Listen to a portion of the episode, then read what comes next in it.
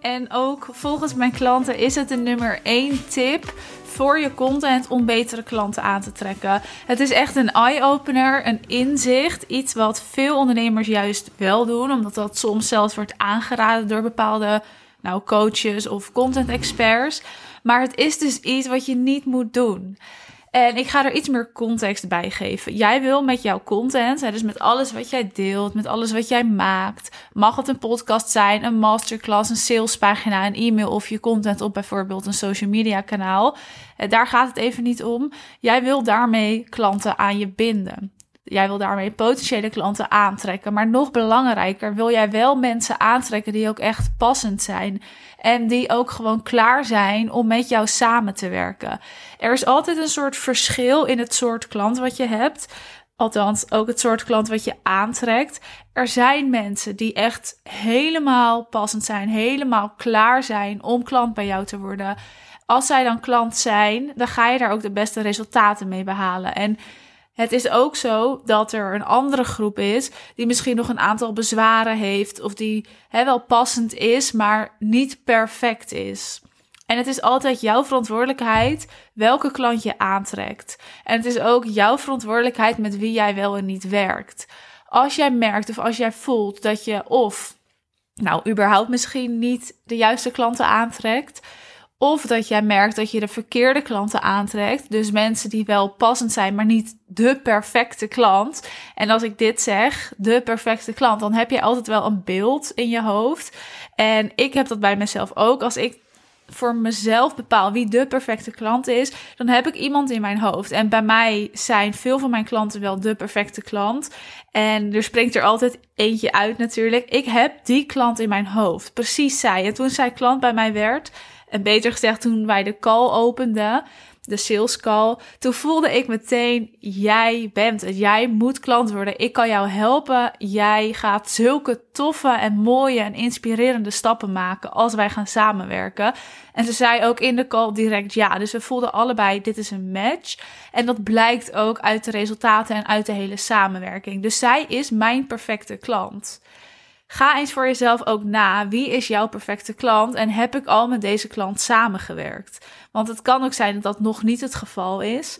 Nou, als dat ook nog niet het geval is, hè, of dus als jij niet de perfecte klant aantrekt met jouw content, met al jouw uitingen, dan wil ik dat je deze tip gaat toepassen, maar vooral ook even gaat terugkijken in de tijd en je content erbij gaat pakken en gaat nadenken: heb ik dit misschien eerder wel gedaan? Het kan ook onbewust zijn misschien wel bewust, omdat het soms wordt aangeraden. Nou, de tip die ik heb is, en eigenlijk moet ik nu even stil zijn, maar ik ga het je meteen vertellen, dat ik wil dat jij geen content maakt over de bezwaren die iemand heeft. En ik ga het uitleggen. Er wordt vaak aangeraden om bezwaren te tackelen en daar dus bijvoorbeeld content over te maken, zodat mensen die bezwaren niet meer hebben. Wat jij doet als jij content maakt over bezwaren, dan ga jij eigenlijk praten tegen iemand die geen klant bij jou wil worden. Jij gaat het hebben over iets wat jij eigenlijk wil dat jouw klant al heeft. Ik hoop dat je het nog volgt. Ik denk het wel. Het is namelijk niet heel ingewikkeld. Het is zo dat jij een perfect beeld hebt van jouw ideale klant. Jouw klant staat al ergens. Als jij praat over bezwaren, dat is iets wat jouw perfecte klant niet heeft. Bezwaren die zijn er alleen als iemand dus nog niet jouw perfecte klant is. En nou, een heel voor de hand liggend bezwaar is bijvoorbeeld investeren. Stel, jij gaat content maken over het belang van investeren dan is dat niet relevant voor jouw ideale klant. Want jouw ideale klant die weet al dat dit van belang is, die doet dit misschien al. Stel jouw ideale klant is een startende ondernemer die nog niet zoveel geïnvesteerd heeft en hè, daar misschien nou wel het belang van inziet, maar het nog spannend vindt, ja, dan ga je daar wel content over maken. Maar het kan vaak een bezwaar zijn van jouw potentiële klanten. En dat bezwaar hoor jij dan in een sales call. En dan denk jij, oh, hier moet ik even content over maken om dat bezwaar te tackelen voordat iemand in een call komt. Maar jij wil überhaupt niet dat die mensen die die bezwaren hebben in een call bij jou komen. Jij wilt dat de mensen die perfect passen in het plaatje van jouw ideale klant, een call bij jou aanvragen. En dus moet je tegen iemand anders praten. Is dit duidelijk voor je? laat het me dan weten. Maar laat het vooral even weten als jij hier nog vragen rondom hebt. Want dan kunnen we er even over in gesprek gaan. Kan ik misschien even met je meekijken. Want het is aan de ene kant iets heel simpels. Aan de andere kant iets complex. Omdat je het soms niet helemaal kan onderscheiden. En omdat het soms dus ja, ingewikkeld kan zijn. Wat is dan het bezwaar en waar moet ik het dan wel en niet over hebben? Nou, dat investeren is natuurlijk een bezwaar wat veel voorkomt en daarvoor noem ik deze nu even. Maar het kan ook zijn dat nou, tijd bijvoorbeeld, dat is ook een heel bekend bezwaar. Jij wilt niet praten over tijd in jouw content of dat iemand denkt dat hij te weinig tijd heeft, omdat jouw ideale klant er altijd tijd voor zal maken.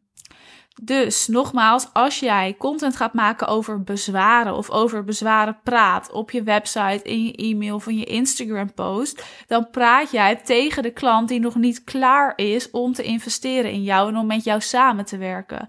Je wil praten tegen de klant die past in het perfecte plaatje. En die klant heeft niet die bezwaren. Tijdens de sales call komen er altijd bezwaren naar boven, hè? maar ook van je ideale klant. Maar dat is logisch. Dus dat is normaal. Je wil gewoon niet je content over die bezwaren maken. Want dan praat je dus tegen de verkeerde persoon. En dan ga je dus klanten aantrekken die niet perfect bij jou passen. En dat ga je merken in je resultaten. Dan gaan je sales calls veel stroever. Worden er waarschijnlijk minder calls aangevraagd. Dus het heeft echt enorme impact op al die aspecten in je bedrijf hoe je dat wil doen. En als je dat wil weten, dan heb jij twee mogelijkheden. Ten eerste kun jij een call met mij plannen en dan kunnen we daarover kletsen en kunnen we eens samen sparren hoe jij dit ook daadwerkelijk winstgevend gaat inzetten. En optie 2 is dat jij een ticket gaat aanschaffen voor 23 juni, het live netwerk event van kijkers naar kopers. En daar gaan we ons helemaal onderdompelen in hoe jij van kijkers, luisteraars of lezers kopers gaat maken voor je bedrijf op een manier die passend is. Dus niet met standaard trucjes, maar helemaal uniek en eigen. Je bent van harte welkom. Een ticket kost 110 euro en ik zet de link van het event in de show notes, in de beschrijving van deze aflevering. Wil jij hier iets over sparren, dan kun je dus ook je call boeken. Tot de volgende aflevering.